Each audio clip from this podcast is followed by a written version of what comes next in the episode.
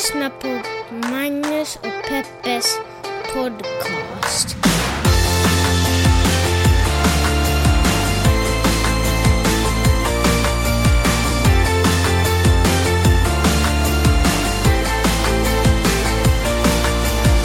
Hallå internet och hjärtligt välkomna till er fredag! Så härligt att ha er med er igen. Det var ju inte så hemskt länge sedan vi hörde senast, men nu gott folk, nu är julen här. Känner ni det? Kan ni känna det? Har, har ni tomtemössor på er? Är ni beredda? För jävlar anamma vad det smäller. Jag för en gångs skull, för första gången sen jag kan inte minnas när, så har jag haft möjlighet att julpynta hemma och... Alltså jag är borta i några dagar, åker till Etiopien, Ja, så kommer jag hem och så har julen exploderat i vårt hem. Jag blir så otroligt, jag vet inte om det här är bra eller dåligt, eller hur man ens ska tolka det. Kanske man gör bäst i att inte tolka det. Men jag blir så otroligt inspirerad när du inte är här, att, att göra saker med hemmet. Jag liksom, jag ser, det är som att jag ser möjligheter och potential på ett helt annat sätt när du inte är här. Ärligt talat, varför bromsar jag dig? Jag, vill ju verk- jag är verkligen Men helt det ointresserad av att eh, vara det- chef över hemmet. Jag vet, du skulle ju aldrig hindra mig från att göra någonting här. Men det är inte det att du bromsar mig, det är det att du liksom är i vägen. Alltså jag menar inte det här, jag vill inte starta något bråk nu, vi har precis börjat podda. Så jag vill verkligen inte starta det mot bråk. slutet. Ja, om, om, om någonstans. Men, eh, men det är på något sätt som att när du är här, då är det andra saker som man måste tänka på. Då, liksom, när du inte är här, då har jag liksom, eh, jag har en annan kontroll. Men hur länge måste jag vara borta för att den här moden ska kicka in i dig? Ja, det, det är ju kanske, jag måste veta att du är borta i några dagar. Ja, det räcker inte att du sover över hos en kompis liksom. Då kickar den in så fort du stänger dörren. Då kickar det liksom modet in. Då börjar jag lägga upp planeringen, gå in på Amazon, beställa skruvar och grejer. Herregud så du shoppar när jag är borta. Ja, Du hade ju köpt allt på hela Ikeas julavdelning. ja, det hade jag faktiskt gjort. Det är sant. Jag får panik när jag tänker på det, vad julen har kostat. Men Peppe, det var inte så dyrt. Det var inte så dyrt. Ikea har väldigt bra utbud på billiga, billigt skräp Mm. som man kan förgylla sitt hem med. Skitsamma, jag är supertaggad. Missade lite Lucia, måste jag kanske erkänna. Fick inte riktigt den här Lucia-viben. Men eh, pff, vad har hon gjort för mig ändå? Så satsa på julen. Är du taggad för julen, Peppe? Ja, jag är Du har ju din syrra och familj som kommer hit. Ja, det ska bli så fint, så mysigt att bara glida omkring med syrran. Jag ska ta henne på koreanskt spa, jag ska ta henne och rida, jag ska ta henne till Palm Springs. Jag ska skämma bort den. Min syrra och jag, vi har ju en sån här relation att jag skämmer bort henne och hon tar emot grejer. Ja, trevligt. vad fint. Vad, vad vackra ord du spred omkring dig så här i juletider. Men vadå, det är väl bara sant? Eller skulle du, tycker du annorlunda? Eh, jag, jag tänker, den, den minan, den får du hålla i själv, känner jag. Jag tänker inte uttala mig om hur din syrra är. Det, det går inte. Ja, det skulle bli otroligt mysigt att ha dem här i alla fall. Ja, det ska det faktiskt. Eh, fullt hus, full rulle. Eh, men vi ska försöka hinna podda under julen ändå. Givetvis. Ja, det ska vi försöka upprätthålla. Peppe, berätta, vad har, vad har vi tänkt på den här veckan? Vi har eh, precis fått in en notis om att FCC som, eh, som sysslar med eh, internet på... Herregud, ja. Okej, det heter Federal Communications Commissions. Ja. Och jag vet att du skrattar för att du tycker att jag är dum i huvudet, men jag har faktiskt eh, ta- tagit en kurs om det här på USC. ja. Om vad då? Så vem Vad- skrattar nu? Nej, om net neutrality. Okej. Som alltså handlar om att under Obamas tid bestämde han att... Eh, Okej, vi tar ett steg längre bak. Gärna. När eh, internet, det fanns en tid när internet inte ännu fanns och då var folks stora informationskälla, speciellt här i USA, TV. Och då kunde de här kabelbolagen bestämma vad som visades på TV och hur mycket det kostade. Det är Ja. ganska dyrt generellt att, att ha cable här. Det Ja. kan ju kosta liksom, från 50 dollar upp till över 100 dollar beroende på många, hur många kanaler man vill ha. Så kom internet och började bjussa på gratis information, började streama TV och vet du, Netflix kom in i bilden och då började folk fundera, tänka att jag behöver inte betala så mycket för kabel-TV, istället kan jag bara kolla på internet. Och det gjorde ju de här kabelbolagen väldigt sura. Så de tyckte att de borde kanske införa en ny sorts eh, prislista. Och till exempel om man vill ha, det finns ju få saker som är så störande som ett eh, långsamt internet. Och till exempel Netflix behöver en massa bredd. ah, Massa juice. Massa juice. Och då tänkte de så här, tänk om vi gör så här att de som, ehm, de som kan betala mer bjussar vi på snabbare internet, de som kan betala mindre ah, ni får ta the slow lane. Då steg Obama in i bilden, det var alltså under Obamas tid, och sa att så här kan vi inte ha det, internet ska vara lika för alla. Vi kan inte göra så att de högstbjudande får ett snabbare internet och de lägstbjudande, det finns, en, en, det finns ett tak även för kapitalismen i USA. Och så bestämde han det här och sa att internet ska vara neutralt, ingen kan köpa snabbare juice. Och uh, med det här tyckte, så byttes uh, regimen i det här landet. Nu är det, har vi en president som heter uh, Donald Trump. Och han säger så här, om någon kan betala för någonting ska den personen få det. Och nu försökte han och Republikanerna driva igenom att, den här, att vad heter det, man tar bort den, tar bort Obamas beslut. Mm. Trumps främsta Uh, det, det, han gör mest av allt i sin position är ju på något sätt river upp beslut som Obama har gjort. Eller försöker riva upp, han har väl inte lyckats så mycket. Men idag lyckades han, han riva upp det här det? net neutrality-beslutet. Aha, så det är borta alltså? Ja, FCCs ordförande sa att uh, att, uh, ja nu, nu var de på att förhandla om det, men mm. om det går, de röstade på, på det här alltså, de röstade om det och, och det visade sig att två mot tre vann det att, att repeala, förlåt jag talar så mycket engelska, men att ja. riva upp det här beslutet. Så om det går riktigt illa så kommer de med mest pengar att få snabbt internet och de små, alltså de som inte har råd Så om jag söker på uh, bosseskorvmoje.se då kommer det gå ganska långsamt innan jag får se vilken fantastisk ja. meny han må ha. Då kommer det att gå sådär, har du sett The Beach-filmen? Ja. Du vet den allra sista scenen när Leonardo DiCaprio sitter på ett internetcafé och ska ladda upp en bild ja, på hela gänget. Ja, så kommer det att gå. Det här tror jag kommer vara mest frustrerande för dagens ungdom. För... Och mig! Varför då? Jo, vad menar du? För alla moderna människor kommer det att vara otroligt irriterande. Ja, jag känner att jag tillhör en generation som... Eh, Läser böcker istället för att tända på the world eh, wide web. Ända sedan 90-talet har, precis som du beskrev, suttit på ett internetcafé och väntat typ i fyra minuter på att headern på sidan ska laddas upp. Och gärna till tonerna av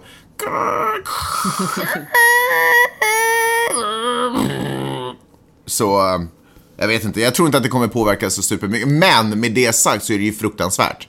Det är ju fruktansvärt att man kan köpa sig till alla de sakerna och att det hela tiden eh, dras åt det hållet. Nu att ju, stora och rika vinner. Nu har ju snackat mycket om, om, Netflix och Netflix har faktiskt själva gick ut, Netflix gick själva ut och sa så här att, att de är otroligt besvikna över det här eftersom de till exempel inte skulle haft en chans att växa på det sättet de gjorde mm. om det skulle vara om utan net neutrality. Att det liksom kommer drabba startups mest av allt. Förstås. För det är de som, de har inte råd på samma sätt att sätta en av, eller avsätta en stor budget Nej. för att få synas. Eh, det är ju fasiken upp och ner i det här landet. Det enda man kan glädja sig åt är väl att Demokraterna vann i den här staten. Doug Jones, Alabama. Alabama, precis. Eh, förra avsnittet så pratade jag om den här, vad heter han, Room? Uh, Roy Moore. Roy Moore. Precis, den här då som du kallar för pedofil-republikanen eh, som Republikanska partiet ändå endorsat. Men han fick inte chansen. Nej, det var tight. Ja. Alltså det var inte med mycket han vann. Men vet du tack vare vem han vann? Nej. Svarta kvinnor. Ja, just det. 93 procent. 98 procent av de svarta kvinnorna röstade. Och hade de inte gjort det så hade det gått åt pipsvängen eller 98 procent av de svarta kvinnor som röstade, röstade på Fair honom. Enough. Det här är ju ändå inte Nordkorea där röstningsprocenten ligger på 98 procent. Väl det. Så det kan man ju tacka för. Så nu, det är ju åtminstone ett bakslag. För nu... Eh, oh, det... det känns ju verkligen som om, som om metoo-uppropet har något med det här att göra. Det är verkligen okej okay att sätta ner foten för någon som för pedofiler och uh, han, är ju, han har ju många andra ganska obekväma åsikter om alla andra människor som, människor som inte är vita medelålders rika män. Mm. Och uh, ja, men det är ju otroligt glädjande. För att bara ge lite perspektiv. Eh, den staten har inte haft en eh, demokratisk eh, senator sedan typ 90, början på 90-talet. 93 tror jag va? Är det sant? Ja, ja men sen 25 år tillbaka. Ja. ja avsevärt. Alltså det finns ju människor är som är yngre stort. än det. Ja, det Förstår finns det ju faktiskt. Till exempel våra barn. Till exempel. Så det, det finns barn som kan rösta. Det, där har du det. Ja, men det som jag, jag vet faktiskt ganska lite. Jag vet att, att uh, Doug Jones är, han är inte abortmotståndare. Och man får ju glädja sig för det lilla nu för tiden. Mm. Men för att vara helt ärlig är man ju bara glad för att Roy Moore inte vann. Men jag tycker vi borde forska lite mer på vem den här demokraten egentligen är. Mm, innan sig... vi hyllar honom för mycket. Fair enough. Men han har gjort sig känd, han har gjort ett namn av sig eh, för att han drev ett uppmärksammat fall där han Ku Klux Klan. Eh, precis, två Ku Klux Klan-medlemmar som hade våldfört sig, kanske dödat till och med, en eh, liten flicka. Och så drev man det fallet som gjorde att de eh, skickades till finkan. Och ironiskt är ju att, att eh, Donald Trump sa att han är soft on crime. Att, han, eh, att man ska rösta på Roy Moore eftersom han är, han är liksom sträng när det kommer till, eh, till brott. Såna jäkla muppar. Får jag bara säga ännu en sak? Ja. Att det är också, alltså det är ju inget jättehögt, eh, alltså ribban ligger ju inte väldigt högt om man ska vara glad för att en person tycker att det är fel att två Ku Klux Klan-medlemmar har ihjäl ett barn eller en flicka. Jag menar, det är ju... Man skulle ju tycka att det är en ganska en självklarhet. DN publicerar en artikel med rubriken Harvey Weinstein är mitt monster också. Eh, och det är ett citat från Selma Hayek. Om man går in på New York Times så ser man rubriken Harvey Weinstein is my monster too. Jag tycker kanske att DN hade kunnat hitta på en egen rubrik Ja, och inte bara översätta rakt av. Men vad det egentligen handlar om är att Selma Hayek har skrivit ett känslosamt inlägg i New York Times där hon berättar om att Harvey Weinstein, att hon också är en av de kvinnor, massvis, en av de jag vet inte hur många, många mängder. Ja men skitsamma, en av de kvinnor som, som Harvey Weinstein har eh, trakasserat och eh, Förgripit sig på. förgripit sig på. Så här, jag ska läsa upp en liten bit eh, av det. This fall, I was approached by a reporter through different sources, including my dear friend Ashley Judd, to speak about an episode in my life that, although painful, I thought I had made peace with. I was brainwashed. I had brainwashed myself into thinking that it was over and that I had survived. I hid from the responsibility to speak out with the excuse that enough people were already involved in shining a light on my monster. I didn't consider my voice important, nor did I think it would make a difference. Ändå väljer Selma Hayek att eh, berätta om att Harvey Weinstein eh, bland annat har pressat henne till att ha en nakenscen i den här filmen. Där Frida Kahlo. Precis, där hon spelar konstnären eh, Frida Kahlo. Jag har inte sett filmen, har du sett filmen? Otroligt bra. Ja. Det ska vi se den imorgon kväll förresten. Kanske inte, men i alla fall. Nej, för du ska spela pingis. Gud vad konstigt. Kan vi fokusera på det här? Varför... Eh, det här, jag menar, Harvey Weinstein, den grejen är lite över för mig. Varför tror du att Selma Hayek ändå väljer att gå ut och prata om det nu? För att just mängden kvinnor är otroligt viktigt. Att visa hur otroligt många har utsatts för det här. Därför tycker jag att det är viktigt. Därför Jag- jag är förstår- det viktigt. Ja, fast det här, har, kommer det ha... Har det någon mer effekt? Eller är effekten nu bara att vi vet att också Selma Hayek har... Nej, men det visar hur stort det här problemet är. Jag tycker att alla, precis varenda en som har krafter att göra det, borde komma ut och berätta. Jag tänker, kan det vara så att det finns, det är någonting i att man själv, i, i handlingen av att man själv berättar någonting som gör att man också på ett annat sätt kan få ett avslut Mm, det tror jag faktiskt. på det. Ja. Och problemet med att ingen har vågat berätta är att ingen någonsin egentligen har kunnat få ett avslut på det. Det enda sättet man kunnat bearbeta det och är att antingen krympa ihop det till en liten svart sten Mm. i ens hjärta eller möjligen gå och tala med någon och, Mm. och på något sätt få professionell hjälp. Men på det här sättet så befriar hon sig själv också. Också. Men jag tror, tycker inte heller det är bara liksom en Eller hon privat befriar sig själv. resa. Jag tycker, jag, jag tycker som sagt att det är viktigt att, eh, att man förstår magnituden av det här. Mm. Och också magnituden av att det, han har verkligen trakasserat alla. Han har känt sig så mäktig, eller han har varit så mäktig, att han har trakasserat kvinnor från liksom alla, oberoende vilken, hur kända skådespelare det är eller hur n- namnlösa assistenter de är, alltså Mm. för honom, har han trakasserat dem. Han har bara, han har kört på. Kvinnor har varit mindre värda varelser i hans värld och han har tagit sig rätten att göra vad han vill med deras kroppar. Jag kan verkligen rekommendera er att läsa den här. Det, den är faktiskt, jag tycker att den är, den är, den är gripande. Eller liksom, jag vet inte. Det, det, allas historia är ju gripande på något sätt. Men jag vet inte, det är någonting. Hon berättar här till exempel att hur hon som 14-åring, mexikansk flicka, kom in och hon försökte liksom navigera i den amerikanska film, filmbranschen och ville liksom komma in i det och även fast hon liksom har gjort Desperado och massvis med olika filmer så har Harvey Weinstein alltid varit där liksom och Eh, och trots att hon liksom har känt att hon har lyckats så har hans sätt och hans makt alltid hållit henne på plats. Förstår du vad jag menar? Ja, att han, han har alltid hållit henne i schack Ja. med, sin, eh, med sitt maktspel. Jag talade med ett par väninnor om det här, om, om arbetsplatser, hur man känner sig på dem. Och hur man, trots att man kanske gör ett bra jobb, kan känna sig nedtryckt på grund av att det finns en person som hela tiden påminner en om att man inte är tillräckligt, att det jobb man gör inte riktigt är tillräckligt bra. Ja. Och hur det verkligen kan, små kommentarer eller små, bara liksom närvaron av en sån här person kan göra att man känner sig värdelös och det påverkar ens professionella och säkert också privata själv, självkänsla otroligt mycket. Ja. Jag ville bara säga det. En, en, eh, en, en till röst är där ute. Och det är på något sätt, jag tycker att... eh, Jag har aldrig riktigt tänkt på det, men du vet det här uttrycket the truth shall, set you free. Att det känns som det. Det känns som att det är... Det är massa fåglar som helt plötsligt släpps ut ur burar som kan äntligen flaxa igen. Som är sådär... "Huh, Andas ut liksom. Ja, nu, nu, kan vi, nu kan man kanske på ett annat sätt lämna det bakom sig liksom. Monstret är... Spotlighten är på monstret nu för tiden, eller numera. Jag tycker att det är otroligt fint, så jag vill bara dela med mig av det. Eh, vi går vidare. Under våra lång, ja, måste, långa, måste man väl ändå säga, långa karriärer som journalister. Ja, så i alla fall. Så har, så har man ju intervjuat en hel del människor. Och eh, nu slogs jag av en grej som händer inte allt för sällan när, när jag intervjuar någon. Och det är att jag i egenskap av journalist då gör en story om en person till exempel. Eh, och sen så för att vara schysst, men också för att liksom bara säkerställa vissa faktagrejer så kanske jag skickar materialet till personen jag intervjuat. Så sen får möjlighet att gå igenom och kolla och sådär att stämde det, stämde inte. Och sen så skickar den möjligen tillbaka kommentarer. Eh, det vill säga om personen som är van som är intervjuat så brukar det inte komma så mycket kommentarer utan annat än att du, du har stavat mitt namn fel eller, eller det här var person, det här var årtalet eller du vet någonting sånt. Är personen ovan att bli intervjuad så är det inte helt osällan att man får ett nytt manus skickat till sig. Egentligen, Med eh, detaljer och, och alltihopa.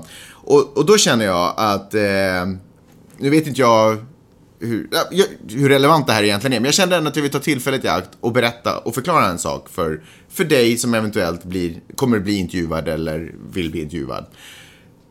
Journalisten som gör en story på dig gör inte storyn för dig, utan den gör storyn om dig för publiken.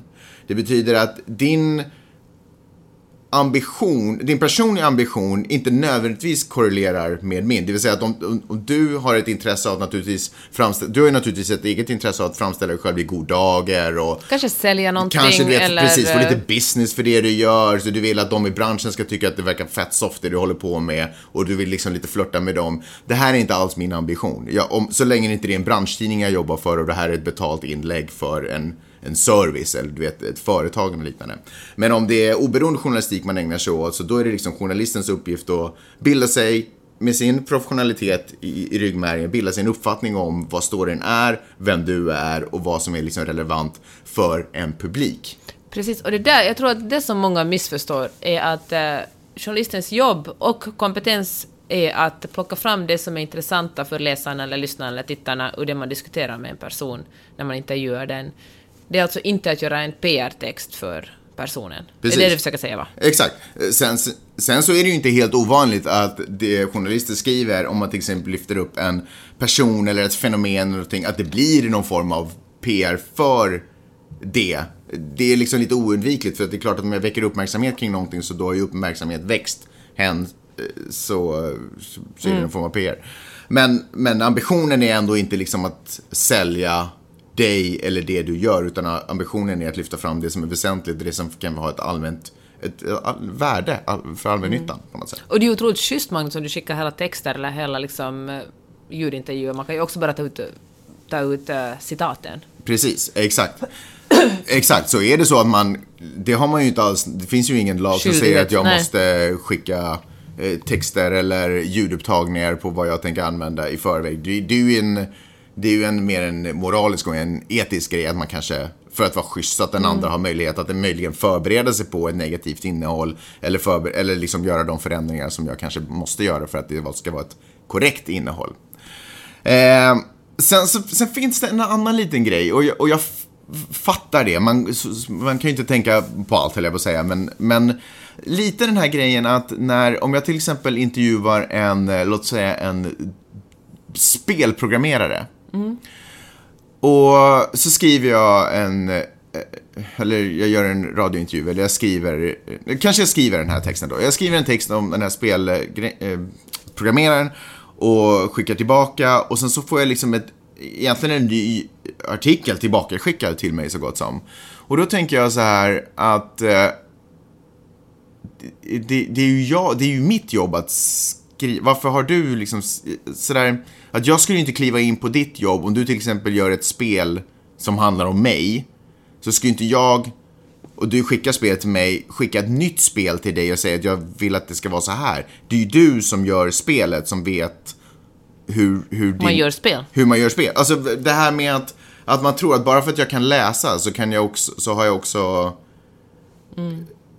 Jag menar det är inte fel och det, det, och det är liksom inget, men jag är bara lite mer så här förvånad över hur, hur, ehm, hur lätt folk verkar tro att det jobbet som jag och journalister utför är. Att liksom vem som helst lite kan göra det. Och det är väl å andra sidan, det har väl det här, i den här fake newsen hand, handlar väl om det, att få alla tror att de kan skapa journalistiskt innehåll.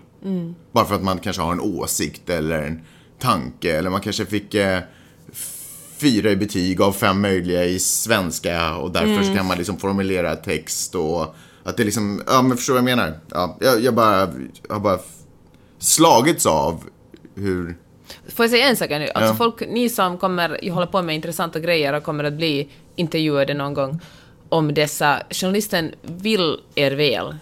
Ifall ni inte är politiker eller liksom om det inte handlar om en regelrätt fast det behöver den inte journalisten, eller vadå, journalisten vill väl inte Nej, någon men- illa eller väl? Det är väl en... Nej, men alltså, nej precis. Nej, men, inte, jag menar inte så, men jag anstränger mig i alla fall för att skriva om, när jag skriver om någon, så vill jag hellre få den att verka, försöka tolka dens kommentarer så den verkar lite smartare än lite dummare. Jaha, varför då? För jag tycker det är schysst, att alla människor är inte så duktiga på att formulera sig. Ja, ja, ja du, precis. Du gör ditt bästa för att Ja. det den egentligen menar ska komma Precis, fram. och Ja. Mm. jag tycker det är liksom en del av mitt jobb. Det, men det är ju aldrig det är liksom, det är ju inte, jag vill ju liksom inte, jag anstränger mig inte för att eh, sätta folk i klistret på något sätt när jag gör en. Jag kan tänka att jobbar man på en skvallertidning är det kanske en annan sak. Men Ja, man eller en... nyhetsreporter. Men då man liksom, som journalist är man ju mer en observatör. Man är ju inte någon som ska ta ställning i huruvida Nej. du är en god eller ond person eller om du är smart eller inte smart. Utan jag möter ju dig, bildar mig en uppfattning av det du säger och det du utstrålar och så går jag hem och skriver en sammanfattning av det Mm. ungefär. Ja, precis. Så, eller vadå? Nej men, det är Ja. bra. Ja, så är det. Vad, vad händer nu? Nej, det stämmer. Ja, skönt. Eh, så, så det här, så det kan man ju också tänka sig om, om en journalist till exempel eh, approachar dig och vill göra en intervju med dig. Eh, om du är lite såhär, ja, ska jag eller inte? Och, och nej, de kommer bara misstolka det jag säger och sådär. Du kan ju faktiskt också vara sådär, innan du bestämmer för att tacka ja, kan du, vara sådär, kan du be den här journalisten, kan du skicka andra saker du har skrivit? Så får jag bara kolla lite, vad är din stil? Tenderar du att skriva på det sättet eller det sättet? Så får du också en liten uppfattning om vad det är för sorts journalist du kommer mötas av. För journalister är ju inte liksom, det, finns, det är inte sådär, eh, all, alla är inte stöpta i samma form, utan man kommer in med olika bakgrundskrav, bakgrundskrav eller vad säger jag, bakgrundskunskap och eh, infallsvinkel. Så det är ju liksom, så be, be att få ett litet, en liten sample. Och sen kan du bestämma dig för om du vill tacka ja till, eh, till intervjun eller inte. Ja, det var bra tips Magnus. Har jag pratat för länge nu? Ja. ja okej, kör. Sarah Huckabee, presstalesman för Donald Trump. Ersättare till Sean Spicer, som är en lite tragisk figur han också. Det är ett otroligt svårt jobb att stå framför journalisterna och svara på frågor kring saker som Donald Trump har tweetat och sagt. Hon har i alla fall försökt förklara den senaste av Donald Trumps sexistiska tweets. Donald Trump skrev så här att en, en kvinnlig senator would do anything för uh, campaign contributions. Och, liksom, och då har folk tolkat det att det, han menar liksom sexuellt, att hon skulle göra precis vad som helst för pengar. Och eh, Sarah Huckabee har då försvarat det, att, eh, sagt att nej, nej, nej, han menar inte alls så, han, att det är ni som har en, en smutsig fantasi, han menar verkligen ingenting sexuellt med det här. Och så blev hon ännu mer kritiserad och också kvinnliga journalister har sagt att nej, att nu får du sluta, nu får du Sarah Huckabee sluta stå upp för Donald Trump. Varför säger du också, varför är det unikt? Eller speciellt? Nej, men jag menar bara att, att också, det kommer, jag kommer snart till det. Aha, okej. För då kommer Sarah Huckabees pappa in i bilden. Och han, kommer, han är också politiker, han heter eh, Mike Huckabee. Han kommer in och säger att, att eh, det är skamligt av kvinnor att eh, kritisera hans dotter på det här sättet, att kvinnor borde veta bättre. Och eh, he, eh, she deserves better from other women. Och då... det Har det varit osakliga, liksom, osaklig kritik som har riktats mot henne, eller vadå? Nej, det hade ju verkligen inte... Hon, eh, hon, stå, hon är ju en uh, enabler. Precis som, som uh, Ivanka Trump och alla andra kvinnor i, i Vita huset är ju en enabler. Alltså bara att de finns och stöder honom, stöder Donald Trump, vis, hjälper de ju honom. De är, på, i, I och med att de är kvinnor är de så att säga nästan ett alibi för att uh, Donald Trump inte hatar kvinnor. Ja. Alltså, gör. vad, vad tar du upp det här för? Vad pratar du om? För jag tar upp det här för att det finns någon slags uppfattning om att kvinnor automatiskt, bara för att de är kvinnor, måste vara helt okritiska mot andra kvinnor.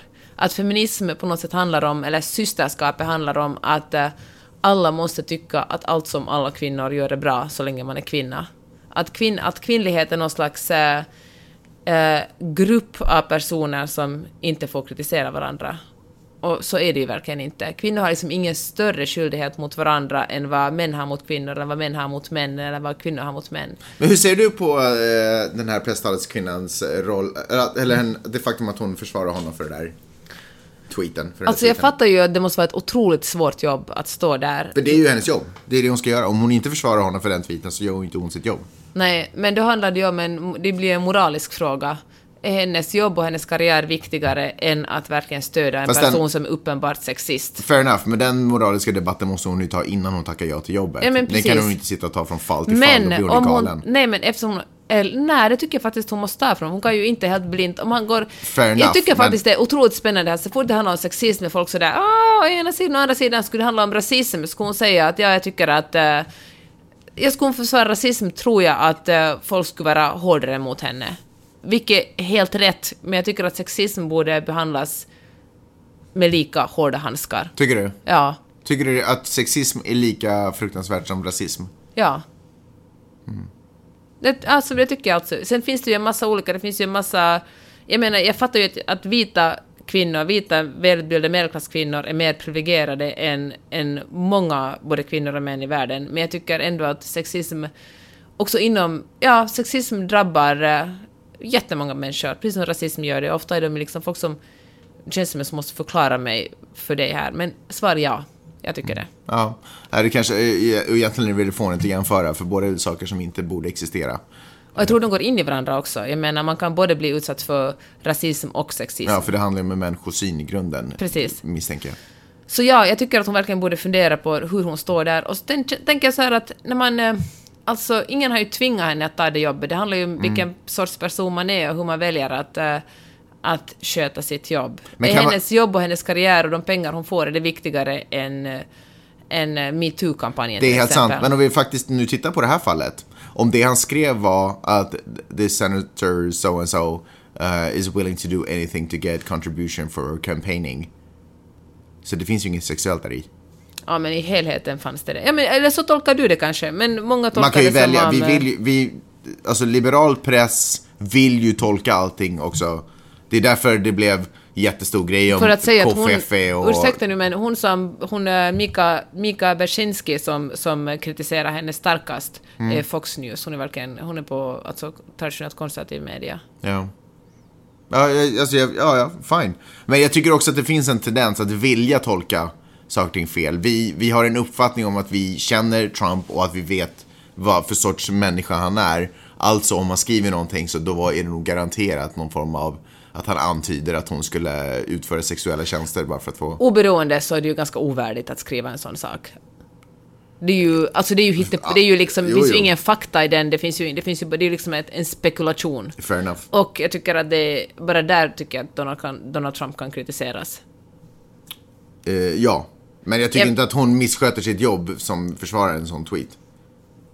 Det finns säkert andra tweets Men jag som- tycker faktiskt det är en sak att säga att hon miss... Nej, hon kanske inte missköter det jobbet hon har anställts för. Det är sagt Finns får man inte ju- anledning att respektera Nej, kvinnor klart som man, sitt jobb också. klart man får kritisera henne. Men det, herregud, vad ska, men nu, just, nu gör du ju exakt samma sak som hennes farsa. Hon gör ett bra jobb, sluta kritisera henne. Ja, hon gör kanske jobbet som hon har blivit anställd för, men det är klart man kan kritisera henne i, i, i arbetet, precis som vi kan kritisera vem som helst i, i hennes arbetsroll. Fast Att kritisera presstalesmän, jag vet inte riktigt om det är schysst faktiskt.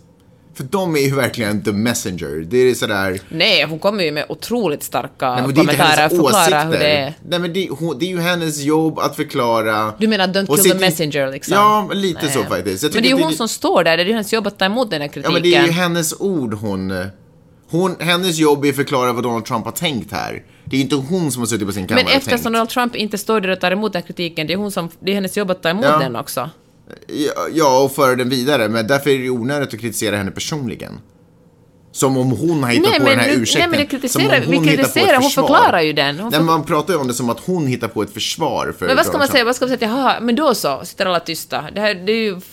Är det så du tycker att det ska fungera? Nej, Jaha, det är vi som tänker fel. Nej, nej, tack för att du förklarade. Nej men, eh, dissar du mig nu eller? Jag fattar Ja. inte. Jag hängde inte Ja, med. Magnus. Nej men jag tänker den här Fox-reportern. Mika Bersinski. Mm. Hon har sagt tydligen då att du, hur, du, Du är en enabler, du och alla andra kvinnor. du måste skärpa dig, du kan inte hålla på och försvara allting som håller på. Ja. Men hon, hon står ju inte och försvarar, hon står ju och förklarar vad Fast Donald Trump har menat och sagt. Nej, det är inte samma sak. Ja, jag tycker inte det. Ja, ni vet ju vem som har rätt och vem som har fel i den här konversationen också. Nu till någonting lite roligare. Är du med? Veckans kändisspotting! Men först ett litet meddelande från vår son. Hej! Har du frågor och kommentarer så kan du mejla min mamma och pappa på Magnus och Peppe snabel gmail.com. Gör det!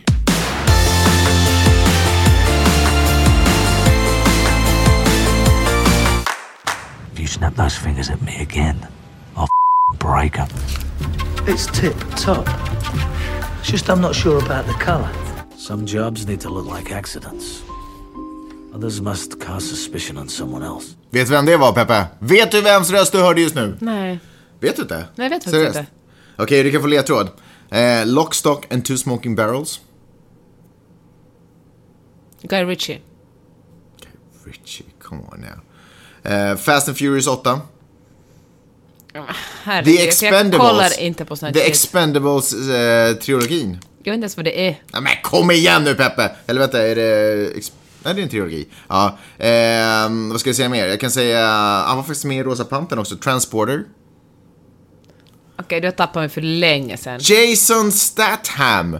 Jag glider in på mitt favoritcafé efter att ha dumpat Vidde i skolan. Vidde har varit jäkligt sur de senaste dagarna. Skitsamma. Dumpar Vidde i skolan. Jag glider in på mitt favoritcafé med min polare Rich i armkrok. Och eh, vi står där och beställer vårt kaffe och så bara... Vänta, vem är det som sitter där borta i hörnet? så bara, okej, lite osäker. De har satt en, eh, en eh, vältränad snubbe med caps neddraget satt och snackade med en, en eh, kvinna där. Och sen så går vi ut och väntar på vårt kaffe, för det var fullt där inne. Och vem kommer ut då? Visade sig inte vara Jason Statham. Men det här är ju meningslöst nu känner för du vet ju inte ens vem Jason Statham är. Nej, förlåt. Men jag kan berätta Men att Rich skämt- också berättade det här för mig och var supernöjd. Kan jag få visa bilden? Känner du inte igen den här snubben?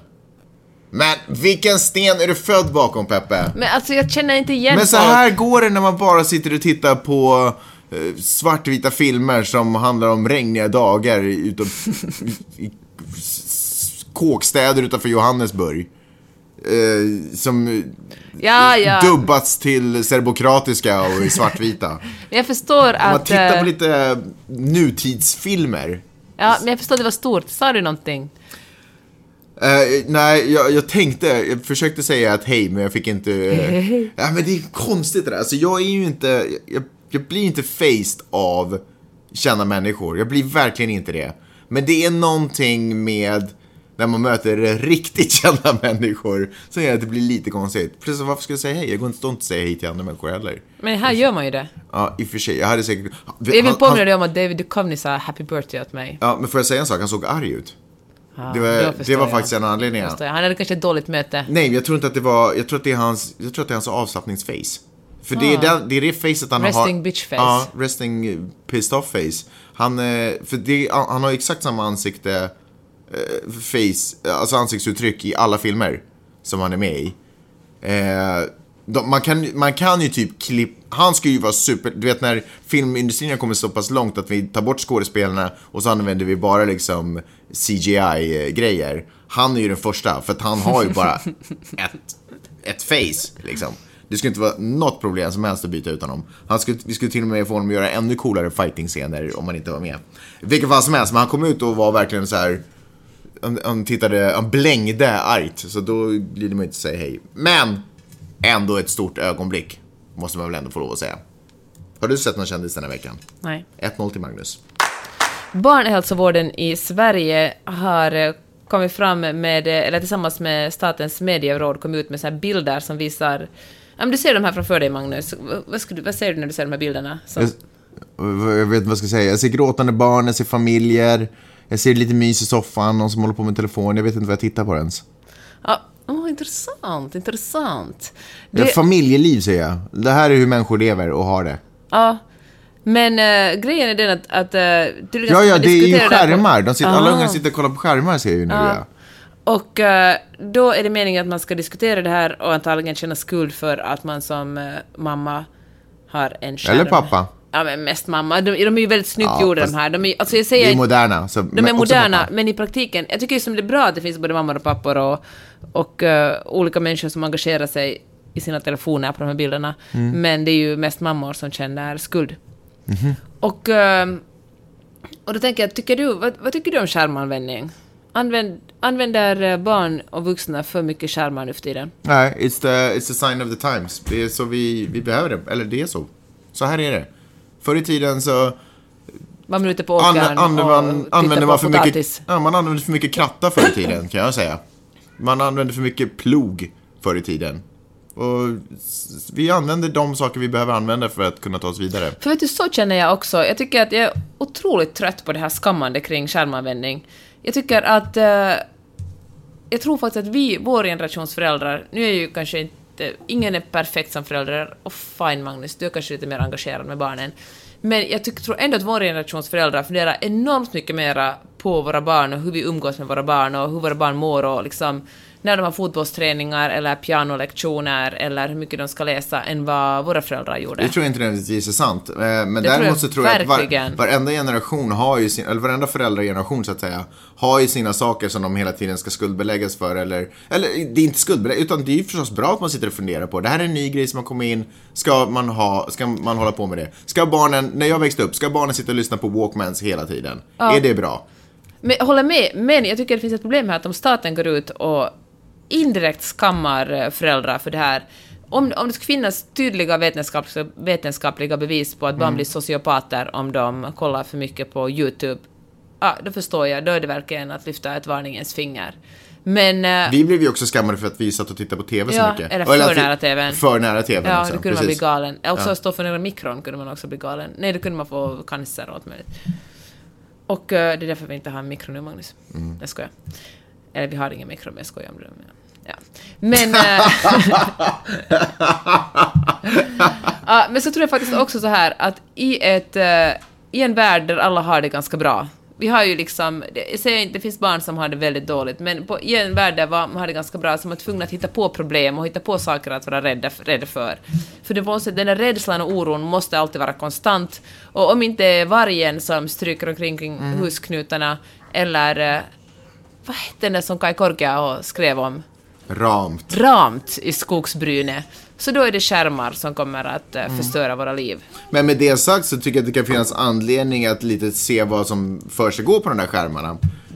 Alltså, Så sant. För, för det är ju Är- nog ett fönster mot vad fasiken som helst. Exakt, Så och då man kan finns inte det, man kan inte en liksom- av de här tolv bilderna är ju bra. Då sitter det, tycker jag riktigt bra, då sitter liksom ett eh, barn och, och ser rädd ut framför Mm. skärmen. Jag tycker liksom, skärmar kan ju inte vara en ersättning för föräldraskap. Alltså sådär, nu kan inte jag ta hand om dig så ta skärmen. Utan skärmen är ju bara någonting som barn gör medan man fortfarande är förälder och övervakar dem och skyddar dem och ser till att allting är okej. Men bara det faktum att de använder skärmar ser jag inget problem i. Sen är ju som sagt vad de gör på dem som är problemet. Gud vad tråkigt att tycka samma sak om alla grejer vi talar om idag. det Ja, så? kanske förutom Sarah Huckabee. Kanske förutom det. Eh, däremot så tycker jag att du är för mycket på skärmar, helt ärligt. Nej men alltså jag skojar inte. Alltså jag är inte orolig för Vidar och eh, Miley som nu sakta börjar introduceras till skärmlivet.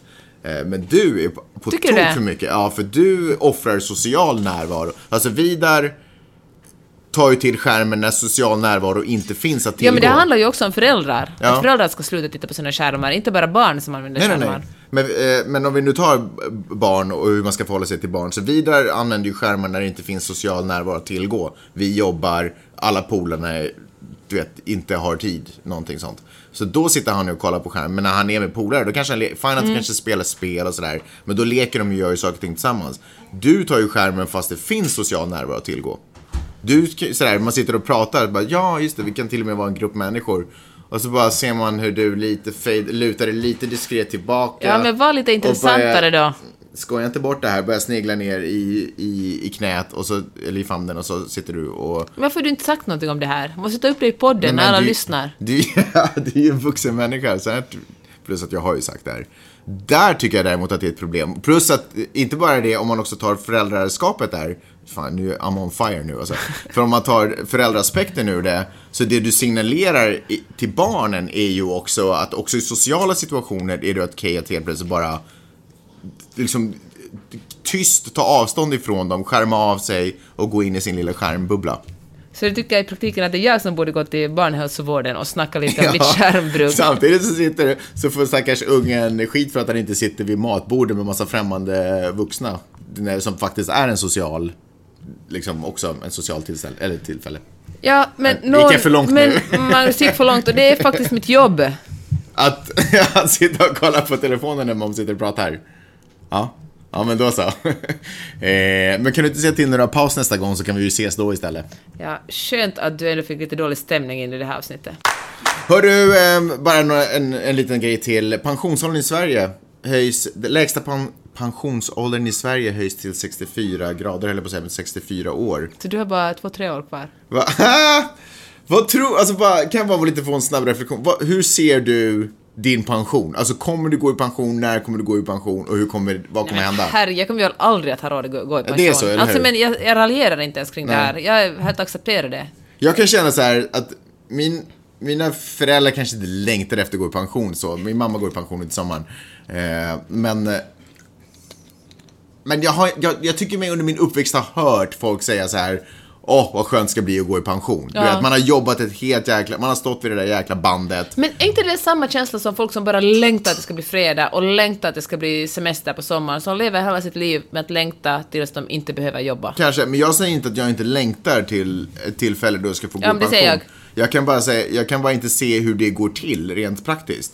För jag, jag är ju ganska övertygad om att de här pengarna då som jag inom situationstecken sparar i pensionsfonder, som staten har tvingat mig göra, eh, i olika sådär olika, de kommer jag aldrig se röken av. Och ser jag dem så kommer jag bara, jag kommer, de kommer bara väcka sorg i mitt hjärta när de slantarna trillar in på mitt konto för de kommer inte representera någonting av vad jag liksom har gjort. Inte ett kvitto eller någonting liksom. Så, så jag, jag vill nästan inte ens se dem. Men så den här nyheten om att pensionsåldern, lägsta pensionsåldern höjs, Det, jag förstår inte vad det betyder, för jag kan inte liksom se Nej, det känner jag faktiskt också. Jag kommer liksom vara tvungen att, att klippa Annes och Anitas podd ännu Det 2046. sista som kommer hända i mitt liv är att jag typ sätter en outro-jingel på någon jävla podd någonstans där. typ, ja. Det, det, är bara, det är bara lite deppigt. För det finns någonting i mig också som skulle tycka det vore så otroligt skönt att bara lägga datorn på hyllan, Nej. veva ner Jag känner en skärm att mitt från sista taket. mejl kommer att komma från, från HBL där de skriver Hej, kan du fylla på med bildtexter till de här bilderna? Eller någon man har intervjuat som bara skickar en liten förändring. Finns det möjlighet? Eh, men då har man redan dött liksom. Man, det sista man gjorde var att man skickade iväg det. Så man, de, de vet ju inte om att man aldrig... Så de har också, det kommer också några mejl efter där de är lite sura för att man inte Ja. har svarat. Vem fan tror du du är? Fast man liksom... Man springer omkring på de ställa jaktmarkerna. Men då är det någon jävel som ska ha en podd där också förstås. Eh, jag tror att det här var allt jag hade att bjuda på den här veckan. eh, hoppas ni har en riktigt trevlig helg. Njut av den. Kom in i den här julstämningen nu, för det är ju magiskt. Glögg! Tänk på oss som inte ens har glögg. Ja, vi har inte glögg och vi har ingen välling, så det är ju lite ledsamt förstås. Men inte för att välling har någonting med julen att göra. Du kommer tänka på välling. Nej, men bara saker som, Välling inte, har väl aldrig haft en del i vårt liv? saker som vi inte... Det skulle kunna ha haft den om det hade funnits. Saker som vi har saknat lite här. Eh, tack så hemskt mycket för att ni har lyssnat. Det är så himla roligt Ja, det är det verkligen. att göra det här. Eh, Nej, vet du vad vi glömde? Men herregud, ja berätta. Du måste svara på Linns fråga.